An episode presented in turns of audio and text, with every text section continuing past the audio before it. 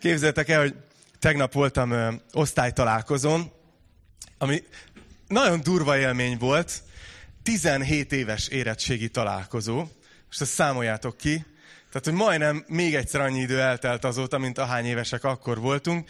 És ugye így a így ebben van a társaság, hogy ők most házasodtak, ő nekik most kicsi, volt egy, volt egy lány, akinek, akinek három hónapos a kicsi, és éppen azt mondta, hogy ki tudott súrani altatás után, hogy, hogy ott legyen velünk. Úgyhogy hát, hát igen, ez az áttör az éjjelen a, a minden fiú és lánygyermek hangja, ez, ez ilyen szempontból is össze. Tehát, no, hát, ja, egyébként nem tudom, hányan voltatok osztálytalálkozó már életetekben? Oké. Okay. Ugye milyen fura, hogy amikor így látsz embereket, hogy, hogy vajon vele mi van, ja, őt hogy is hívják. Nálunk szerencsére ilyen nem volt, mert mi találkozunk így öt évente, és, és nagyon jó volt, viszont az öregedés volt az egyik téma, amit, amit talán kitalálhattok, hogy, hogy tudod, ki, ki mennyire öregszik, és ki hogyan van ezzel. És kell a segítségeteket kérnem ma reggel ezzel kapcsolatban. Kb. 10 megállítottatok, hogy te mindig szemüveges voltál. És szeretnék egy gyors szavazást kérni tőletek ezt hallottam valakitől, és az önértékelésemet helyre kell tenni, és most titeket használok terápiás módszere. Valaki azt mondta, hogy a szemüveg öregít. És valaki azt mondta, hogy, hogy sokkal jobban nézek ki vele. Na nézzük, akkor ki az, aki szerint öregít? Jó van, te ott hátulról könnyen beszélsz. Abigail? Nem, Abi ilyet soha nem mondana. Őt is meg. Na jó van, csak vicceltem, nem, nem, foglak, nem foglak titeket felhasználni ilyen célokra. Legyetek szívesek, köszönjetek egymásnak, mellettetek ülőnek, mondjátok, hogy jó, hogy itt vagy. Én addig mondom azoknak, akik itt vagytok a, az élő közvetítésben, az interneten keresztül, jó látni titeket. Öm, és van még egy technikai problémám, hogy most nem látom a kommenteket, de ezt majd a Horváth Balázsral megoldjuk. Emiatt hívtalak tegnap telefonon. Csak majd, majd, majd kitalálunk rá valamit. Lényeg az, hogy, hogy utólag meg fogom nézni a kommenteket, és fogok rá reagálni. Jó? Úgyhogy, úgyhogy örülünk, hogy ti is velünk vagytok, és remélem, hogy áldás lesz nektek is. Még egyetlen egy dolgot hagy mondjak nektek, mielőtt belevágunk a mai bibliai részünkbe. És ez az, hogyha netán vannak közöttetek, akik legelőször vannak itt, vagy a közelmúltban csatlakoztatok be, akkor nektek hagy mondjak annyit, hogy tudom, hogy új helyre jönni soha nem könnyű, az ember egy kicsit így nézi, hogy na, ezek milyen figurák, ez itt milyen hely, és nagyon a szívünkön van az, hogy mi tényleg szeretnénk egy olyan hely lenni itt Golgota Kistarcsa, ahol, ahol mindenki, aki újonnan érkezik, érzi, hogy vártunk rá, készültünk rá.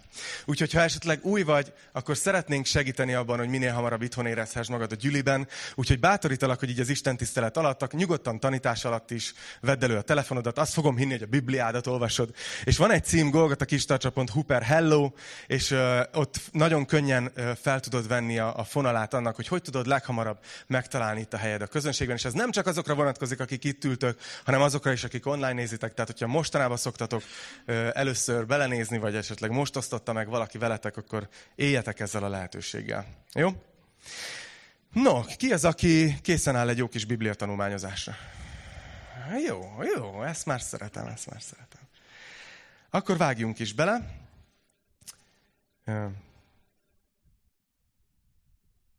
Nagyon köszönöm azokat a, azokat a visszajelzéseket, amit adtatok a, a múlt heti e, tanításra. Az igazából egy ilyen tanévindító üzenet volt. Ma viszont folytatni fogjuk a, a korintusi levelek tanulmányozását, és egy szuper izgalmas téma következik. Egy szuper izgalmas téma, amit így neveznek, hogy a Szentlélek ajándékai.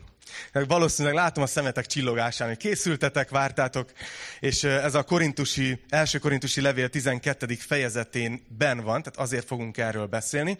És csak azoknak hagy mondjak tényleg egy perces kis kitérőt, akik a közelmúltban, akár az elmúlt három hónapban csatlakoztatok be, és láttátok, hogy minden héten valaki más tanított, és valami más téma volt, hogy alapvetően egyébként normál üzemmódban, itt a Kistarcsai Golgotában is azt csináljuk, amit a Golgota gyülekezetek világszerte, hogy megyünk sorba bibliai könyveken, és tanulmányozzuk az igét fejezetről fejezetre, versről versre, azért, mert azt gondoljuk, hogy így lesz kiegyensúlyozott a, a, a bibliai tudásotok, így lesztek felkészítve, így lesztek érettek a hitben, mert nem csak az én kedvenc igeverseimet fogjátok hallani hétről hétre újra és újra, hanem az Isten egész beszédét, hogyha ide jártok 20 évig, vagy fölmentek bármelyik archívumba, az összes Golgotában egyébként könyveket vesznek végig, és tök jó utána nézni, hogy, hogy melyik könyvben miről, miről van szó. Úgyhogy Úgyhogy ezt fogjuk csinálni, a korintusi levelet már jó ideje elkezdtük. Kicsit ilyen szaggatottan megyünk rajta végig, mert közben volt egy szünet, Samu, Samu, szeretném megköszönni neked, hol vagy, hogy, hogy tovább vitted ezt a, ezt a könyvet, a 11. fejezetet. A 11. fejezetben érdekes témák voltak, ilyen asszonyok fejének befedésen. Kicsit azért reméltem, hogy mire visszajövök, nem hord mindenki kendőt itt a gyülibe, de jó na, ezt csak vicceltem, teljes a bizalom, szóval. De lényeg az, hogy ez volt ott a téma, de mivel ilyen szakaszosan haladunk, hagyj mondjak nektek egy kis, kis összefoglalót, jó? Kis előzmény az egész levélről, hogy, hogy hol is járunk a korintusi levélben. Ugye arról beszéltünk már többször, hogy a korintusi gyülekezetet Pálapostól alapította. Ő Pálapostolnak ez volt az elhívása. Ő egy, ő egy apostol volt, ő ment, és kezdett új gyülekezeteket. Vitte az evangéliumot, és alakultak helyi közösségek a, a nyomában. És később Pál, amikor ment tovább, akkor átadta ezt a gyülekezetet Apollósnak, aki egyébként sokkal közelebb állt a helyi kultúrához, és Apollós vitte tovább a korintusi gyülekezetet. Pál pedig tudta, hogy mi az elhívása, ő tudta, hogy őt Isten nem lelki pásztornak hívta el, hanem apostolnak, úgyhogy ő szépen ment tovább, és tette a dolgát. És a korintusi gyülekezet ezután egy nagyon nehéz időszakba került. Hát ilyen ilyen lázadó korszakát érte a gyülekezet, amikor mindent is megkérdőjeleztek. És rengeteg kérdésük volt, és rengeteg véleményük. És mindez egy olyan városban, egy olyan közegben, ami nagyon okos város volt Korintus, nagyon intellektuális, nagyon gazdag volt anyagi javakban is, és brutál erkölcstelen. Tehát, hogy ebben a közegben nőtt ez a kis gyülekezet, és fejlődött, és aztán jutott ebbe a lázadó korszakába. Szóval Pál az egész levélben így ilyen atyai szeretettel rakja helyére a dolgokat. Így teszi helyére az elemeket. És a, talán két nagy részre lehetne bontani a levelet. Az első nagy részében Pál olyan dolgokról ír, ami eljutott hozzá hírként a gyülekezetről, olyan problémákról, amelyekről hallott másoktól. Ugye Facebook nem volt, meg Messenger, meg WhatsApp, de viszont voltak emberek, akik mentek és vittek híreket, és így pár fülébe eljutott az, hogy van klikkesedés, pártoskodás a gyülekezetben, ilyen szakadás, széthúzás, ilyen, ilyen fincsi keresztény közösséges dolgok. Öm, van olyan erkölcstelenség, ami még a világ szemében is durva. Tehát csomó olyan témát vett végig, és ha emlékeztek, akkor ezt végigbeszéltük, amiket Pál látott, hallott, hogy a korintusi gyülekezetben probléma volt. A hetedik fejezettől pedig Pál olyan témákat vesz végig, amiről a gyülekezet írt neki. Úgy tűnik nagyon, hogy, hogy küldtek egy levelet Pálnak, egy csomó kérdéssel, egy csomó témával, hogy na erről mi a véleményed. És Pál sorba veszi, tehát kicsit úgy tűnik, mintha egyik fejezet nem is nagyon kapcsolódna a másikhoz. Először a házasságról van szó, meg a, a vállásról, aztán átmegy a bálványáldozati hús témaköréhez, ugye mennyire kapcsolódik a kettő, és aztán, aztán ma meg átmegy a lelki ajándékok témakörére, de ez ezért van, mert veszi sorba a korintusiak kérdéseit. Úgyhogy Ma a lelki ajándékról kokról lesz szó. Ne ijedjetek meg, hogyha bárki úgy érzi, hogy most még nem tudja, hogy miről van szó, vagy mi is ez. De gondoltam, hogy mielőtt belevágunk, szeretnék egy ilyen interaktív játékot csinálni veletek, hogy hány ajándékot tudunk összeszedni, Szentlélek ajándékait eddig, és még egyszer mondom, ha valakinek egy se jut eszébe semmi gond, tehát ez nem ilyen röp, röp dolgozat, vagy nem tudom, hanem csak kíváncsi vagyok, hogy mennyit. Annyi játékszabályt szeretnék mondani, hogy egy ember egyet mondhat be. Mert tudom, hogy vagytok, akik így benne vagytok a Szentlélek témájába, és lehet, hogy fejből föl tudnátok sorolni az összeset. Na nézzük bemondásra, hogy, hogy milyen ajándékok jutnak eszetekbe, a léleknek milyen ajándékai. Bocsánat, ha fölteszitek a kezeteket, látom, hova kell nézni. Csak nem kell várni, hogy mondjam, csak láss. Okay. Vigasztalás. Oké. Okay. Ott volt valaki, aki mondott. Mondd el. Szeretet, oké? Okay? Mondjad, Andi. Bátorítás. Uh-huh. Mondjad. Vigasztalás, igen. Profétálás, igen. Gyöngyike. Nyelveken szólás. Tanítás. Végre. Oké, okay, igen. Gyógyítás, oké. Okay. Mondja. Könyörület, igen.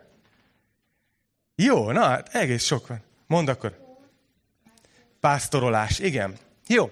Na, elég sokat összeszedtünk, Mit gondoltok, hogy összesen hány ajándék van? Nézzük, ki az, aki azt gondolja, hogy, hogy egy és tíz között van, hogy hányféle ajándéka van a Szentléleknek? Jó. Ki az, aki azt gondolja, hogy tíz és húsz között van? Ki az, aki azt gondolja, hogy húsznál több? Jó. Na, figyeljetek, most így jól felkészítettelek titeket. Nem mondom meg, hogy mennyi van, de, de ki fog derülni, majd számoljátok. Szóval a lelki ajándékokról lesz szó, és így kezdi Pál az 1 Korintus 12 első vers. A lelki ajándékokra nézve pedig nem szeretném, testvéreim, ha tudatlanok lennétek. A téma a lelki ajándékok, és mindig szeretnék úgy tanítani, hogy hogyha bárkinek nincsen semmilyen bibliai előképzettsége, és lehet, hogy most van életében először gyülekezetben, akkor is értse, hogy miről beszélünk. A lelki ajándékok azok a különleges képességek, amit Isten, a Szentlélek, ugye tudjuk, hogy Isten háromság, Atya, Fiú és Szentlélek, és a harmadik személy, a Szentlélek ad, adományoz az embereknek. És ezeket nevezi a Biblia összefoglalóan lelki ajándékoknak, Szentlélek ajándékainak, kegyelmi ajándékoknak, többféle nevet használ rá. És nagyon fontos, hogy, hogy ebbe, ennek a birtokában egy ember képessé válik valami olyasmire, amire egyébként a természetes adottságainál fogva nem lenne képes. Tehát nagyon fontos ezt látni, hogy a Szentlélek ajándékai azok nem a természetes képességeink, a természetes tehetségünk, hanem valami extra. Azt is nagyon fontos még így bevezetésként látni, hogy úgy nevezik, hogy ajándék. És ennek oka van. Tehát ez nem olyan, mint, tudjátok, voltak ezek a számítógépes játékok, hogyha jól teljesíted az adott pályát, akkor magasabb szintre lépsz, és akkor már, már több képességed van, már ilyen fegyver jön, meg olyan szuper ugró képesség, nem tudom. Tehát néha a keresztények így néznek a lelki ajándékokra, hogy hát akinek semmi nincs, az olyan szürke keresztényes, aztán elindul az ajándék gyűjtögetés, hogy kinek milyen ajándéka van. Nagyon fontos, hogy ez nem rang, nem szint az, az a Krisztus testében, hanem ajándék. Isten, ha úgy dönt, adja. És ez nagyon fontos megjegyezni. Szóval, még két dolgot hagy mondjak, és aztán belevágunk, hogy itt az első versben már Pál mond két fontos dolgot. Azt mondta egyrészt, hogy testvéreim. Ugye, hogy szólt a vers? A lelki ajándékokra nézve pedig nem szeretném testvéreim, hogyha tudatlanok lennétek. Tehát nagyon fontos kiemelni, hogy miközben tényleg bárki számára nyitott az Isten tisztelet, és remélem érthető is lesz, de konkrétan ez a téma, a Szentlélek ajándékai igazából keresztényeknek, már megtért, újjászületett embereknek mondanak valamit, mert, mert, mert nekik szólnak ezek az ajándékok. Öm, Valószínű, hogyha úgy hallgatod ezt, hogy még nem hoztad meg a döntést, hogy hiszel Jézus Krisztusba, akkor kicsit skifi is lesz ez a tanítás. Hogy mi van? Hogy, hogy miket tud az ember csinálni a Szentlélek által? Szóval ez csak egy fontos elő, előzmény. A másik, hogy Pál azt mondja, hogy nem szeretném, ha tudatlanok lennétek. Indirekten azt mondja, hogy a kérdésetekből úgy látom, hogy van mit helyre tenni. Valószínűleg a korintusiak kérdései elárulták, hogy annyira nem erősek a Szentlélek ajándékainak a terén, sok minden hibás a gondolkozásunkban. És Pál elhatározza ebben a fejezetben, hogy ő megpróbál segíteni nekik abban, hogy, hogy ne legyenek tudatlanok. Mert nem szeretné, ha tudatlanok lennétek. És úgy látom, hogy az egyház 2000 éve alatt ez, ez újra és újra előjött, volt, hogy jobban előtérbe került, vagy volt, hogy jobban háttérbe, de fontos látni, hogy, hogy nem baj, hogyha úgy ülsz itt most, hogy tudatlannak érzed magad a Szentlélek ajándékaival kapcsolatban, viszont az is fontos, hogy Isten akarja, hogy ne legyél tudatlan. Úgyhogy az a célom most ezeken a bibliaórákon, hogy, hogy átmenjünk ezen. Miért mondom, hogy bibliaórák? Mert ez a fejezet 31 versből áll, és ezt most nem tudtam úgy ketté bontani szépen, hogy a felénél valahol, hanem át fogunk menni most a, az egész fejezeten, viszont úgy bontottam két részre, és jövő héten fogjuk folytatni, hogy, hogy most, ahogy olvassuk az ajándékok neveit, ezekbe nem fogok részletesen belemenni és kibontani, hogy mik ezek, hanem a jövő heti alkalmat azt erre fogjuk szentelni, hogy az összes ajándékot, amit látunk a Bibliában, azt egyesével megnézzük, hogy mi ez, és hogy működik. Ma pedig arra fókuszálunk, ami a fejezet igazi célja, hogy Pál milyen alapelveket tanít a Szentlélek ajándékaival kapcsolatban. Jó? Úgyhogy nézzük, először Pál a nagy képpel kezdi, második vers. Tudjátok, hogy mikor pogányok voltatok, írja a korintusiaknak, ellenállhatatlanul vonzott valami benneteket a néma bálványokhoz. Ezért tudtotokra adom, hogy senki sem mondja, hogy Jézus átkozott, aki Isten lelke által szól. És senki sem mondhatja, Jézus az Úr, csak is a Szentlélek által. Talán az a fontos ezzel a verssel kapcsolatban kiemelni, hogy, hogy akkoriban a, a hívők, akik jöttek a korintusi gyülekezetbe, ők, ők egy bálványimádó háttérből, különböző kultuszokból érkeztek meg a gyülekezetbe. És Pál igazából mielőtt a Szentlélek ajándékairól beszélni kezd, elkezd arról beszélni, hogy, hogy emlékezteti őket a vallásos múltjukra. És azt mondja, hogy emlékeztek, hogy, hogy valami ellenállhatatlanul vonzott titeket a néma bálványokhoz. Tehát Pál kiemeli, hogy ezek a bálványok ezek nem szóltak, nem beszéltek, nem volt interakció. És mégis valami vonzott titeket hozzájuk. És valahogy rámutat arra, hogy az ember alapvetően egy vallásos lény. Nem tudom, hogy észreveszitek-e ezt, hogy lehet, hogy nem kereszténységben, lehet, hogy nem egy megfogalmazott vallás. Most főleg népszerű az, hogy ember összerakja a saját vallását, mint ahogy a, mint ahogy a, nem tudom, vannak ezek a, olyan éttermek, ahol te válogathatod össze az alapanyagokból, hogy azok engem mindig zavarba ejtenek. Mutas három lehetőséget, és egyre rábökök. De na, a lényeg az, hogy van ma ilyen vallásosság, ahol így te rakod össze magadnak.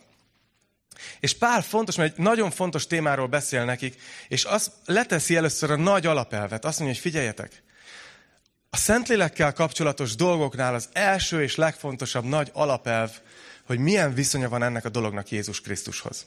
Azt mondja, hogy ugye a Szentléleknek az a küldetése, hogy Jézus dicsőítse, ő rám mutasson, ő hozzá vezesse az embereket. Tehát Pál azt mondja, hogy, hogy aki, aki azt mondja, hogy, hogy Jézus átkozott, tehát Jézussal szembe megy, és ilyen dolgokról beszél, az tuti, hogy nem a Szentlélektől van. És azt is mondja, hogy senki nem tudja azt kimondani, hogy Jézus Krisztus Úr, hanem abban a Szentlélek munkája van. Ez a Szentlélekről szól. Tehát ezt először leteszi. És utána belemegy a lelki ajándékok témájába. Azt mondja a negyedik versben, hogy a kegyelmi ajándékok között ugyan különbségek vannak, de a lélek ugyanaz. Különbségek vannak a szolgálatokban is, de az Úr ugyanaz.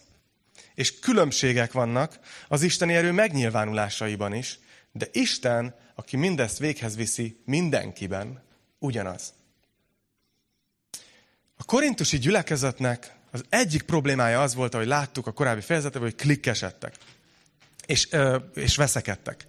És Pál nagyon sok időt töltött azzal, hogy próbálta őket rávenni, hogy alázzátok már meg magatokat, és légy szíves, legyetek egységbe. Egyféleképpen gondolkozzatok, egyféleképpen beszéljetek. De most viszont olyan, mint hogy kicsit megvillantaná az érmének a másik oldalát, hogy az egység az ugyanakkor nem egyformaság. És így vezeti be a lelki ajándékok típusát és kérdését, és nagyon sokféle lelki ajándékról fog beszélni. És azt mondja, hogy, hogy mindenkinek más milyen. Különbség van az ajándékokban, különbség van a szolgálatokban, különbözőség van az isteni erő megnyilvánulásában, de mindezt ugyanaz a lélek, ugyanaz az Úr adja, ugyanaz az Isten. Látjátok? Tehát az egység a sokféleségben ezt a témát fogja most bevezetni. És nem tudom, hogy észrevettétek ezt, ezt ti is, hogy, hogy ez Isten szívéből jön. Valahol, öm, amikor láttok például olyat, hogy valamelyik ország ilyen katonai szemlét tart. Igaz? És láttok egy ilyen nagy hadsereget, és sok ezer menetelő katonát. Akkor ott azt látjuk, hogy mindenki ugyanarra a tempóra, ugyanabban a ritmusban, ugyanolyan öm, ö, egyenruhában menetel, igaz? És szinte ilyen, mintha ilyen embertelen lenne ez, hogy elveszik azt, hogy ott valaki egyéniség, hanem mert ugye ott az a cél, hogy azt mutassák, hogy, hogy milyen erő van ebben, hogy nekünk mennyi van ebből a kis mozgó egy, egy, egyszerre menetelő valaminkből, amit katonának nevezünk. De ha megnézitek a természetet, amit Isten hoz létre, azt hiszem, hogy 8,7 millió állat és növényfaj tartanak tartanak nyilván a, a tudósok, és, ez, és beismerik, hogy ez a töredéke annak, ami létezik. Hogy Istenünk olyan sokfélét alkotott, hogy gondoljatok bele, hogy még csak egy, egy úgymond egyes funkciók, amik, amik az élőlények végeznek, mennyi minden van. Nem például légzés. Azt gondolnád, hogy hú, hát akkor legyártunk egy légzőszervet, ugye ez lenne az emberi céges gondolkozás, kifejlesztünk egy légzés alkalmas eszközt, és ezt mindegyik teremtményünkbe beépítjük. Lélegezzetek. De nem. Isten úgy alkotta meg, hogy az egyik tüdővel, a másik kopoltyúval, a harmadik bőrön keresztül lélegzik, hogy, hogy még ugyanabban a funkción belül is annyiféle változat van. Szaporodás, tudjátok, valamelyik tojással, valamelyik petével, valamelyik elevenen szülő. Annyi féle módon történik ez, a, a, az érzékelés, a szem, hogy hány féle szem van. Hogy látszik egyszerűen, ha megnézed a természetet, hogy Isten gyönyörködik a sokféleségben. És, a, és nem tudom nektek, hogy van ez, én, én annyira szeretek ilyen forgalmas helyeken, mondjuk egy pályaudvaron, vagy egy plázában, vagy egy repülőtéren, így nézni az embereket egyszerűen. Sokszor így leülök, és így nézem az embereket. Hogy hány félék, hogy az egyik, egyik fehér, a másik fekete, ázsiai, és kaukázusi, és annyiféle változat, és, és milyen arcformák, és milyen hajszínek, és milyen az egyik göndör, a másik egyenes hajú, ha, tudod, és, és az egyik dundi, a másik ropi. Hát, tudod, olyan, olyan, olyan, olyan jó nézni, hogy, hogy az emberek is hány félék. És akkor ugye vannak ilyen, ilyen hasonmásunk, akik nagyon hasonlítanak ránk. Egyszer Eni hazajött azzal a munkahelyről, hogy van egy srác, aki bejár a boltba, aki, aki nagyon hasonlít rám, és mondom, mi van? Tudod? Csak nem találtál valakit, aki hasonlít rám. De, de is megnéztem a képet, és mondom, hogy nem, nem, nem, nem. De tényleg egyébként az a fura, hogy ugye annyi félék vagyunk, hogyha odadom nektek a telefonomat, akkor a ti új lenyomatotok nem fogja kinyitni az én telefonomat. Vagy a ti arcotok nem fogja kinyitni az én telefonomat.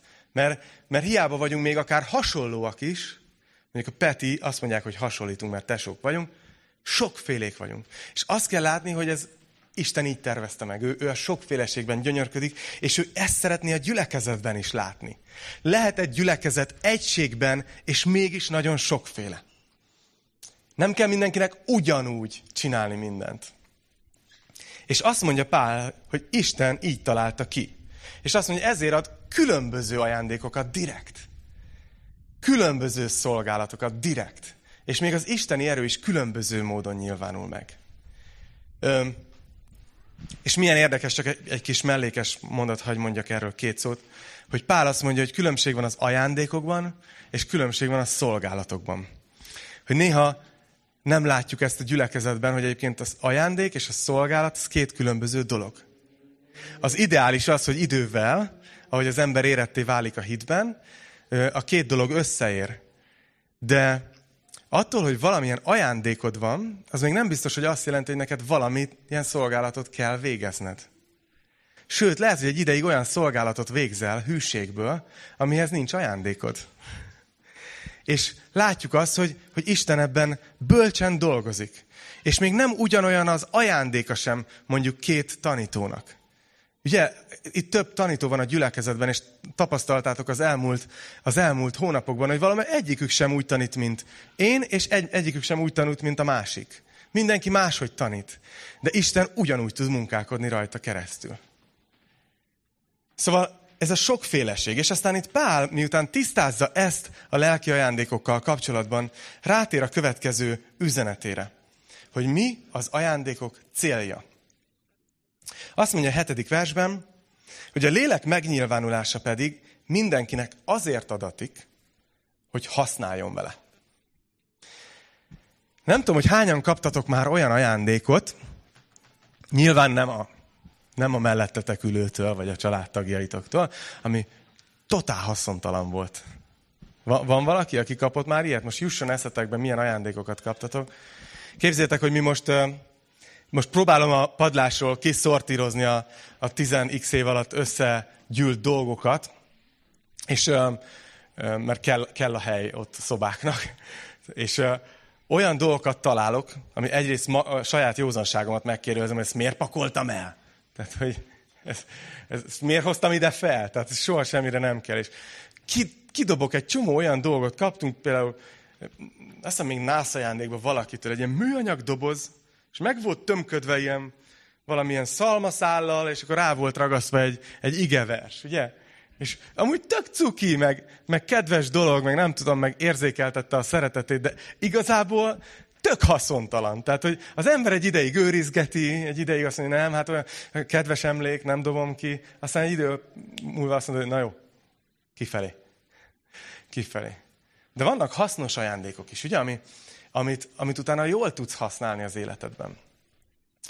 És Peti, megtartottam a Te vagy a világ legjobb testvére mm, plakettet, azt hiszem.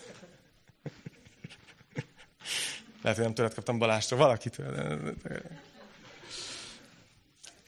Nem volt aláírás. Szóval azt mondja itt a lélek ajándékairól, és most úgy érzitek, hogy lassan haladunk a témába, de ezeket mind fontos megérteni. Hogy azt mondja, a lélek ajándékait Isten azért adja, hogy mi, mindenkinek, hogy használjon vele. Tehát ennek célja van. Valami, amit el kell végezni, amit amúgy nem tudnál elvégezni. Valami, amit meg kell tenni, és anélkül nem tudnád megtenni. És mind ahhoz kapcsolódik, hogy a gyülekezet együtt hogyan tudja végezni Krisztus munkáját a világban. És nézzétek meg, hogy, hogy mit mond erről. Azt mondja, és itt most kezd felsorolni néhányat, hogy mert van, aki a lélek által a bölcsesség igéjét kapta. Ez egy ajándék. A másik az ismeret igéjét. Ugyanazon lélek által. Az egyik ember ugyanattól a lélektől hitet, a másik ugyanattól a lélek által a gyógyítások kegyelmi ajándékait. Van, aki az isteni erők munkáit, vagy a profétálást kapta. Van, aki a lelkek megkülönböztetését. A nyelveken szólást, vagy pedig a nyelveken szólás magyarázását kapta. És ez itt nem a tolmácsokra utal, majd jövő héten belemegyünk. De mindezt, figyeljétek, egy és ugyanaz a lélek munkája, aki úgy osztja szét a kinek-kinek az ajándékait, amint akarja. Szóval a következő, amit itt Pál tisztába tesz, hogy ki dönti el, hogy kinek milyen ajándéka van. Hogy vajon azért van bizonyos ajándékom, mert én imádkoztam érte és kaptam, vagy mert kiérdemeltem, vagy miért van olyan ajándékom, amilyen, azt mondja, hogy tisztázzuk, hogy nem lehet kiérdemelni, mert ajándék, és hogy hogy dől el, hogy kinek milyen ajándéka van? Azt mondja, hogy a lélek úgy osztja szét, ahogy ő akarja. És ez nagyon fontos, ezzel vértezzétek fel a, a fejetekben a gondolkozásotokat, mert, mert ez kelleni fog nektek ez a gondolat, amikor jön valaki, akinek nincs meg ez a tudás, aki tudatlan a lelki ajándékokkal kapcsolatban. És azt mondja, hogy figyelj, te miért nem csinálod ezt meg ezt? Akkor mondhatod, hogy figyelj, azért, mert a lélek úgy osztja az ajándékait, hogy ő akarja. És be fog hozni itt egy párhuzamot. Az emberi testnek a, a működését fogja behozni. Azt mondja a 12. versben, hogy mert ahogyan a test egy, bár sok tagja van, de a test valamennyi tagja, noha sokan vannak, mégis egy test. Ugyanúgy a Krisztus is, hiszen egy lélek által mi is minnyáján egy testé kereszteltettünk. Akár zsidók, akár görögök, akár rabszolgák, akár szabadok, és minnyáján egy lélekkel itattattunk meg. Mert a test sem egy tagból áll, hanem sokból. Szóval itt talán az, az alapelv, amit látunk, ami nagyon fontos a lélek ajándékaival kapcsolatban, hogy a lélek ajándéka nem rólatok szól, és nem rólam szól, nem az egyes emberről szól, hanem itt pár rögtön arra megy rá, hogy a test hogyan működik együtt. Tehát, hogy, hogy nem arról van szó, hogy, hogy most nekem már ilyen ajándékaim vannak neked, meg ó, csak olyan, hanem, hanem arról van szó, hogy együtt a Krisztus teste hogyan tud jól működni. És ez zseniális párhuzam a test. Tudjátok, milyen csodálatos a testünk? És ez csak egy előképe a gyülekezetnek. Én most utána néztem ilyen, ilyen, ilyen érdekes tényeknek az emberi testtel kapcsolatban. Hogy a testünk másodpercenként 25 millió új sejtet hoz létre. Tehát, hogyha azt érzed, hogy te ma még nem csináltál semmi értelmeset, De nem csodálatos, hogy, hogy elesik valaki, és pár nap múlva eltűnik a seb. És a régi sejtek helyére újak jönnek létre, és fölépülnek, és tudják a dolgukat. Vagy, hogy csak a nyelvünkben 8 ezer ízlelő bimbó van. És ezt csak azért, hogy, érezd, hogy a pultporkot igazi barbecue szószal csinálták, vagy, vagy valami boltival hogy élvezd az ízeket, azt a sokféleséget, azt a... Igen, 11 óra van, hamarosan jön az ebéd. Vannak más dolgok is a testtel kapcsolatban, amik kicsit furcsák. De nem tudom, hogy tudjátok-e, hogy van két része a testünknek, ami születésünktől a halálunkig növésben van.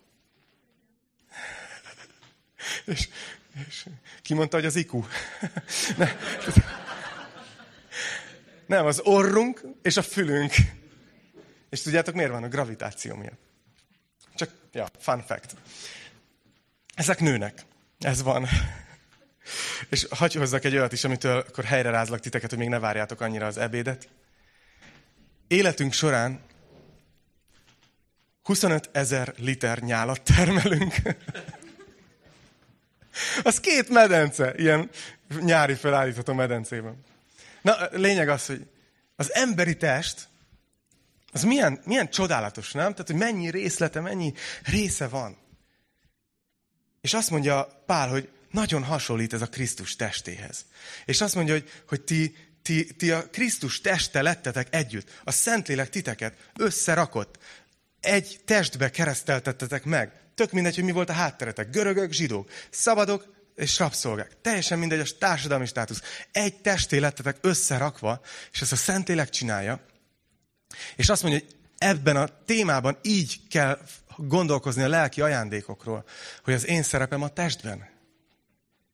És um, amellett, hogy, hogy így letesz elveket, most, most elkezd olyan dolgokat felhozni Pál, amik viszont negatív példák. Hogy mi van akkor, hogyha valaki a testben nem a helyén van, vagy nem a helyes gondolkozással van jelen, aki tudatlan a lelki ajándékokkal kapcsolatban. És nézzétek, az első tipikus hiba, amit be fog mutatni, hogy mi van, amikor a te saját ajándékodat, amit Istentől kaptál, azt, azt értéktelennek tartod. Mert ugye hajlamosak vagyunk erre, hogy mi már annyira természetesnek tartjuk, hogy valami, valami szokott működni az életünkben, hogy úgy gondoljuk, hogy, hogy ez, ez nem is olyan értékes. Vagy mondjuk nem olyan látványos, és, és ezért azt gondoljuk, hogy ez nem olyan értékes. Úgyhogy Pál erről beszél. Azt mondja, hogy ha ezt mondaná a láb, 15. vers, mivel én nem vagyok kéz, nem vagyok a test része. Azt mondja, vajon azért nem a test része-e? És ha ezt mondaná a fül, mivel nem vagyok szem, nem vagyok a test része, vajon azért nem a test része-e? Ha a test csupa szem, akkor hol lenne a hallás? Ha az egész test hallás, hol lenne a szaglás?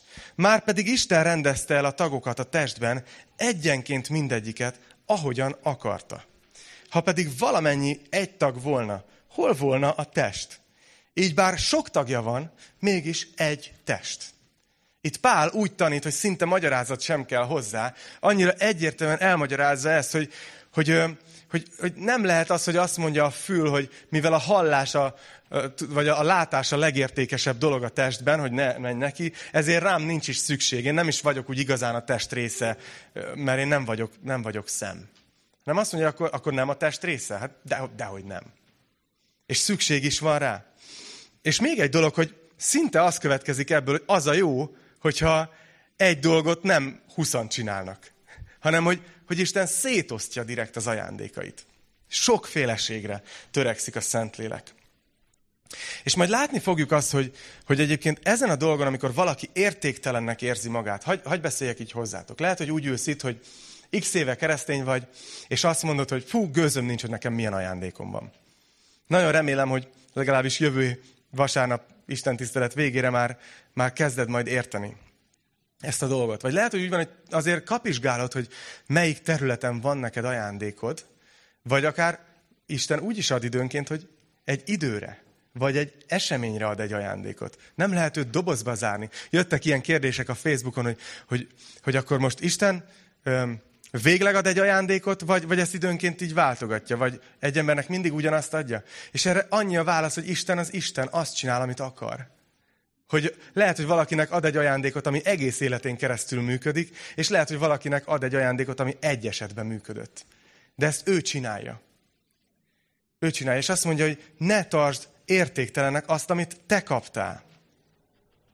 Gondoljatok bele, ugye ha most figyeljetek, ez morbid lesz, még jobban elveszi az étvágyatokat. Ha mész az utcán este, itt olyan 10 fele, 11 fele sötétbe vezetsz, és, és ugye refi van, és jó a világításod, és nincs eső, szóval látod azért nagyjából az út szélén, hogy mik vannak, és, és egyszer csak látszott egy emberi lábat. De egy test nélkül, értitek? Csak úgy egy lábat. akkor tudod, hogy baj van, igaz? De hogyha bekapcsolod a tévét, és megy a foci meccs, és látod Cristiano Ronaldot, és látod a lábát, akkor nincs baj. Akkor annak a csapatnak nyert ügye van. Igaz? Jó, jó, jó vagy messzit mondjak, kit mondjak, valakit, nem tudom, kit szerettek. De ugye a lényeg az, hogy, hogy maga a láb az önmagában, ha úgy tetszik, tényleg értéktelen. De ha tudja a helyét a testben, akkor, akkor nagyon-nagyon-nagyon értékes. És talán itt is ezt, ezt próbálja Pál, Pál mondani. Szóval lehet, hogy azt mondod magadra, hogy ó, én csak szolgálok itt, nem nagy dolog, én nem érzem magam értékesnek. De nem az a fontos, hogy te neked mi az ajándékod, hanem az a fontos, hogy a Krisztus testében csinálod azt, amit csinálsz. És az ő munkáját viszed előre. És mind értékesek vagyunk az ő testében. És hagyd mondjak még egy dolgot erről, és, és ez a sokszor a szívemen van, és nem tudom még mindig pontosan, hogy hogy kéne ezt jól megfogalmazni, de, de azt hiszem, hogy, hogy van felelősségünk abban, hogy hallasz egy ilyen mondatot egy tanításban, hogy igenis értékes vagy. Értékes része vagy a Krisztus testének. És bekapcsolhatnak olyan mechanizmusok, amik ezt így letiltják. És azt mondják, hogy igen, a többiek biztos, de én még mindig nem vagyok erről meggyőződve. És hagy, hagy mondjam nektek azt, hogy van felelősségünk abban, hogy hallod ezt Pálapostoltól, és úgy menj ki az ajtón, hogy azt mondod, hogy igen, én ezt elhiszem. Én ezt nehéz, de most elfogadom, hogy én egy értékes tagja vagyok a Krisztus testének. Mert tudom, hogy néhányan küzdötök ezzel. Mert van olyan, hogy valaki éveken át bele tud kerülni egy olyan spirálba, hogy én értéktelen vagyok, én értéktelen vagyok, én értéktelen vagyok, hogy szó szerint még Isten sem tudja meggyőzni. Mert hiába jön az igevers, hiába jön a bátorítás, a üres, mint a lyukas zsákba lenne öntve. Szóval, hogy higgyétek azt el, amit itt Pál mond, ezt akartam a szívetekre helyezni. Na nézzük a második tipikus hibát. Hogy mi van, hogyha pont a másik oldalára esünk a lónak? Hogy azt gondoljuk, hogy a mi ajándékunk az a különlegesen értékes. És a többieket tartjuk értéktelennek. Azt mondja, hogy nem mondhatja a szem a kéznek, hogy nincs rád szükségem. Vagy a fej a lábaknak, nincs rátok szükségem. Ellenkezőleg a test gyengébbnek látszó tagjai nagyon is szükségesek. Üm, igen, beszéltem valakivel az, az alkalom előtt, és mondta, hogy vakbélműtéte volt néhány héttel ezelőtt. Na most hányan gondoljátok azt, hogy így az a része a testünknek, az a leges, legfontosabb része a testünknek? De igaz, hogyha az ott, ott valami baj van, akkor, akkor az egész test szenvedni fog. És erről beszél itt Pál. Azt mondja, hogy sőt, azokat a, a testnek, a, a, amelyeket a test kevésbé nemes tagjainak tartunk, azokat nagyobb tisztességgel vesszük körül, és amelyek ékesség nélküliek, azok nagyobb megbecsülésben részesülnek. Gondolj bele! Ugye a, jó, oké, okay, egy-két lánytól, hölgytől kivéve, a kezedet nem, nem kened be minden nap, vagy, a, vagy az arcodat. De a hónajadat, amit ki nem emelné, hogy ez egy fontos része a testednek, ezt, ezt gondozod, ugye? Ezt ápolod. Reméljük, reméljük. Ha nem, akkor kezd el. De, de, de látjátok, hogy Pál azt mondja, a testnek azok a részei, amelyek kevésbé látványosak, mégis nagyobb, nagyobb tisztességgel vesszük körül. A becseseknek azonban erre nincs szükségük.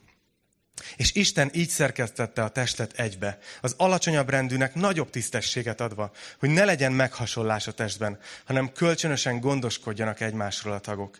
És így, ha szenved az egyik tag, vele együtt szenved valamennyi. Ha dicsőségben részesül az egyik tag, vele együtt örül valamennyi. Ti pedig Krisztus teste vagytok, és egyenként annak tagjai. Szóval, amit itt nagyon fontos látni, és ez figyeljetek, millió dolláros mondat, hogy egy szolgálatnak a látványossága nincs összefüggésben az értékességével. Egy szolgálatnak a látványossága nincs összefüggésben az értékességével. És ez azért fontos megérteni, mert jövő héten, amikor átmegyünk az ajándékok listán, akkor lehet, hogy lesznek olyan ajándékok, amire azt mondod, hogy na azt szeretném.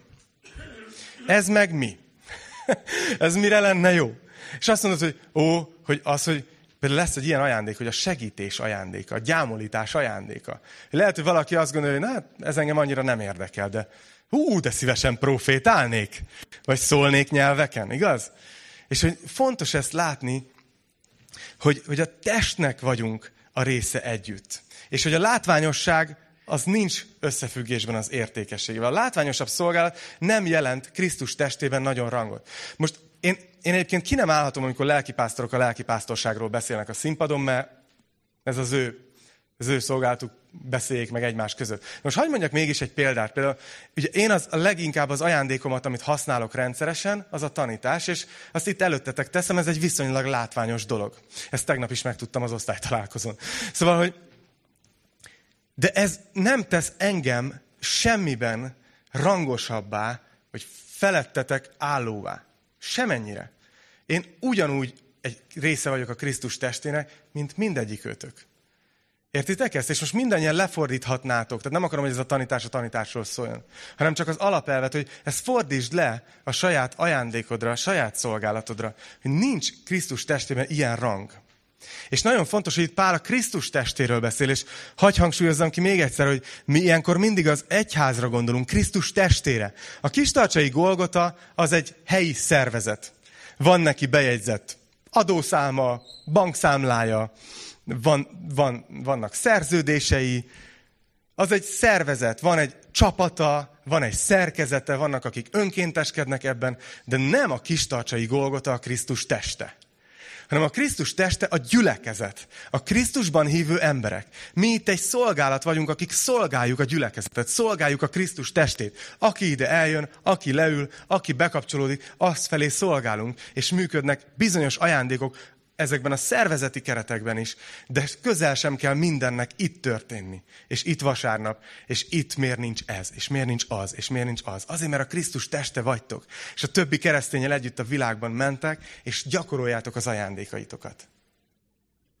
Ez a szívemen volt. A jegyzetben nem.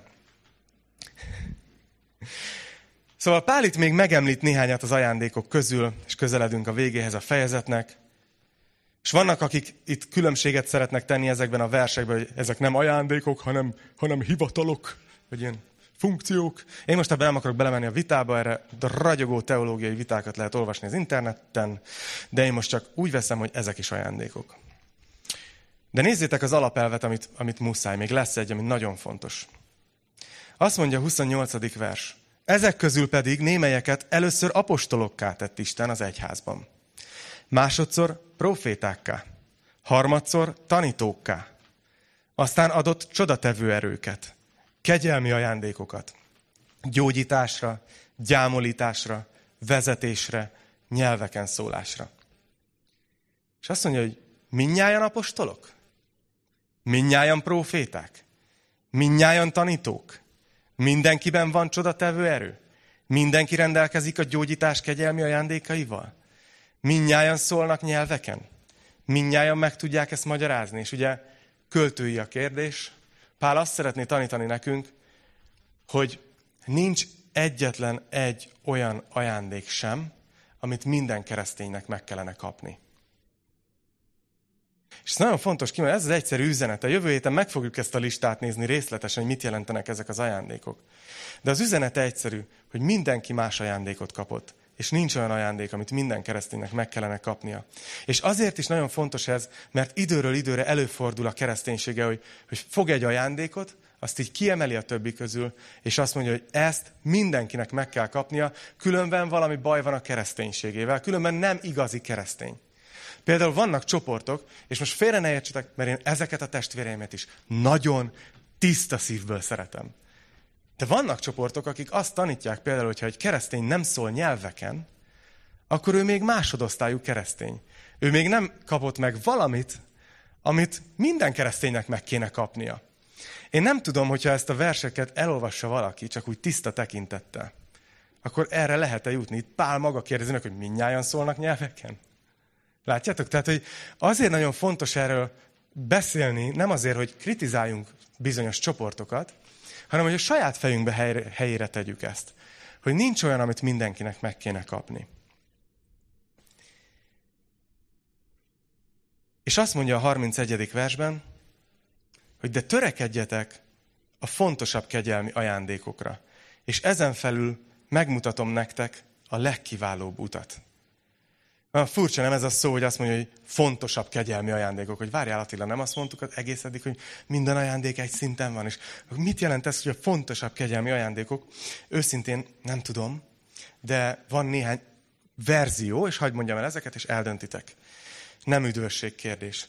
Azt gondolom, hogy, hogy, hogy, hogy talán lehet egy olyan dolog, hogy valamelyik ajándék az, az mondjuk az adott helyzetben fontosabb.